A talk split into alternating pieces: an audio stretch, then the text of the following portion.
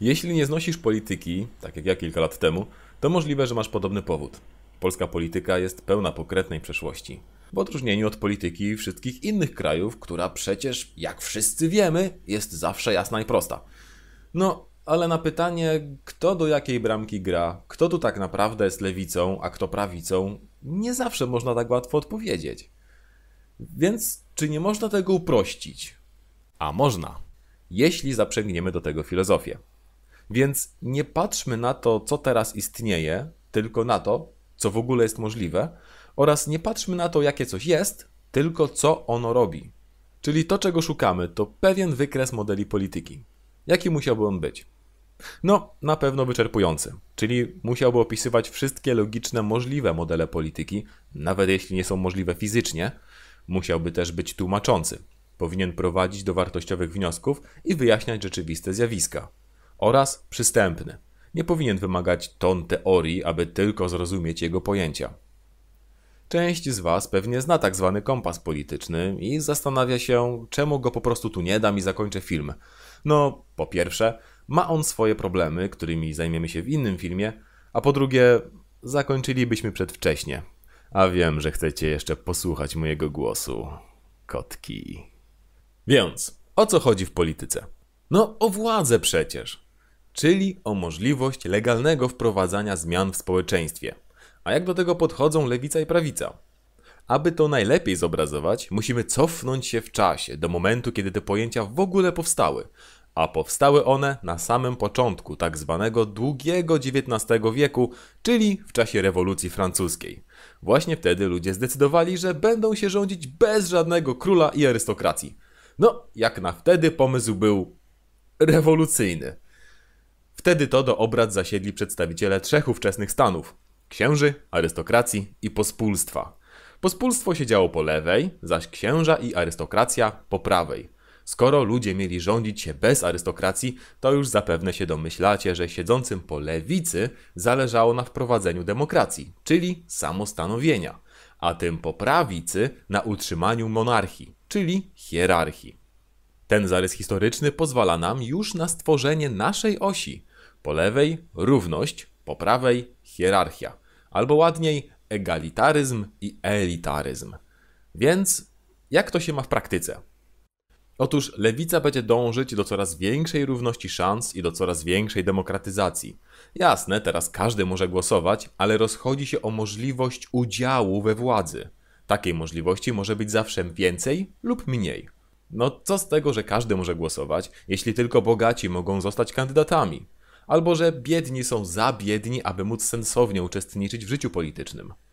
Teraz może praktyczny przykład subtelnej różnicy, o jakiej tu mówimy zasiłki są generalnie uważane za lewicowe. I jasne, tak może być, jeśli pomagają biedniejszym ludziom uczestniczyć w życiu politycznym. Ale jakaś partia może też dawać zasiłki po to, aby zjednać sobie część wyborców, a potem, nie wiem, przejąć pełnię władzy. Jest to scenariusz absolutnie hipotetyczny.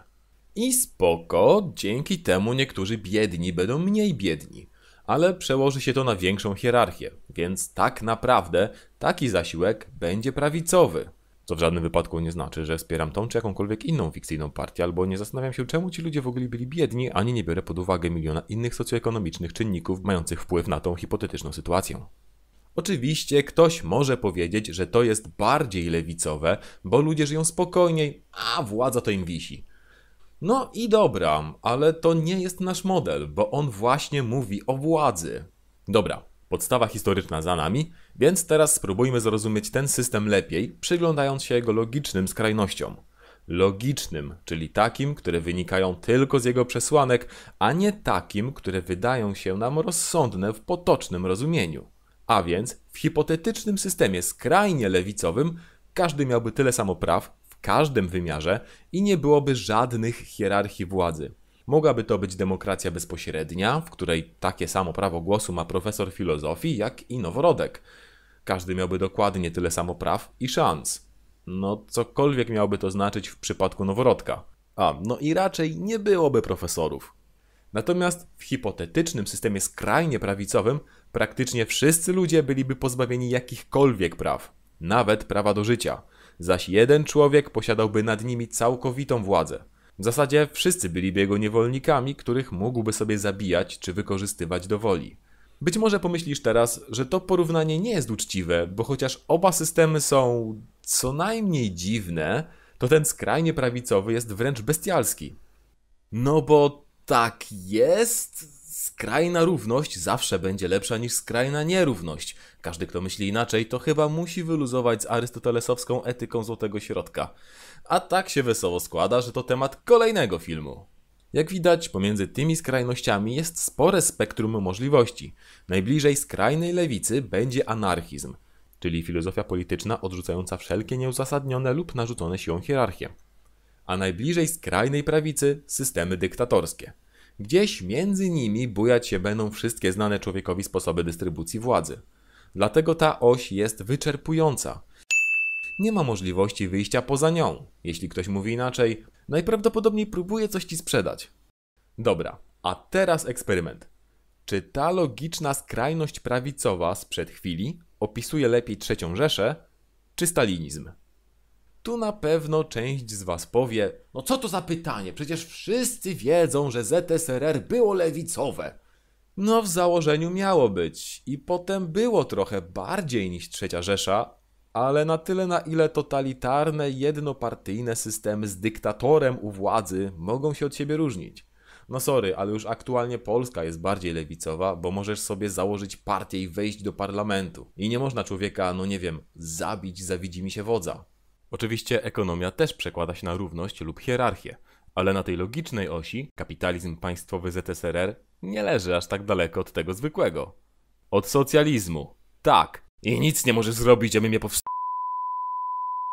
Traktowanie ZSRR jako jakiejś skrajnej lewicy to pozostałość po zimnej wojnie, kiedy Stalin cisnął propagandę, że jest lewicowy i że to dobrze, a Zachód też cisnął propagandę, że jest i że to źle. Byli biegunami geopolitycznymi, ale nielogicznymi. Dlatego ta oś dystrybucji władzy ma moc wyjaśniającą. Mówi o filozoficznym podłożu, a nie o historycznych naleciałościach. I wreszcie, patrzenie na tę oś nie wymaga znajomości teorii, a po prostu namysłu. No na przykład, możesz się zastanawiać, czemu do tej pory nie poruszyłem tematów, które są w powszechnej świadomości kojarzone z lewicą, choćby LGBT i uchodźcy. Ale tu też już chyba nie potrzebujesz prowadzenia, by zrozumieć, jak przyznanie tym grupom różnych praw można przyporządkować równości lub hierarchii. Czyli mamy jednowymiarowe spektrum polityczne, które jest wyczerpujące, tłumaczące i przystępne. No to jest plus. Jest też i minus. Kiedy zaczniesz używać go w prawdziwym życiu, możesz spotkać się z ostrą krytyką. No ale filozofia już tak ma. Bo słuchaj, stary, tak na chłopski rozum. A przynajmniej tak można na to spojrzeć, aby myśleć trochę lepiej.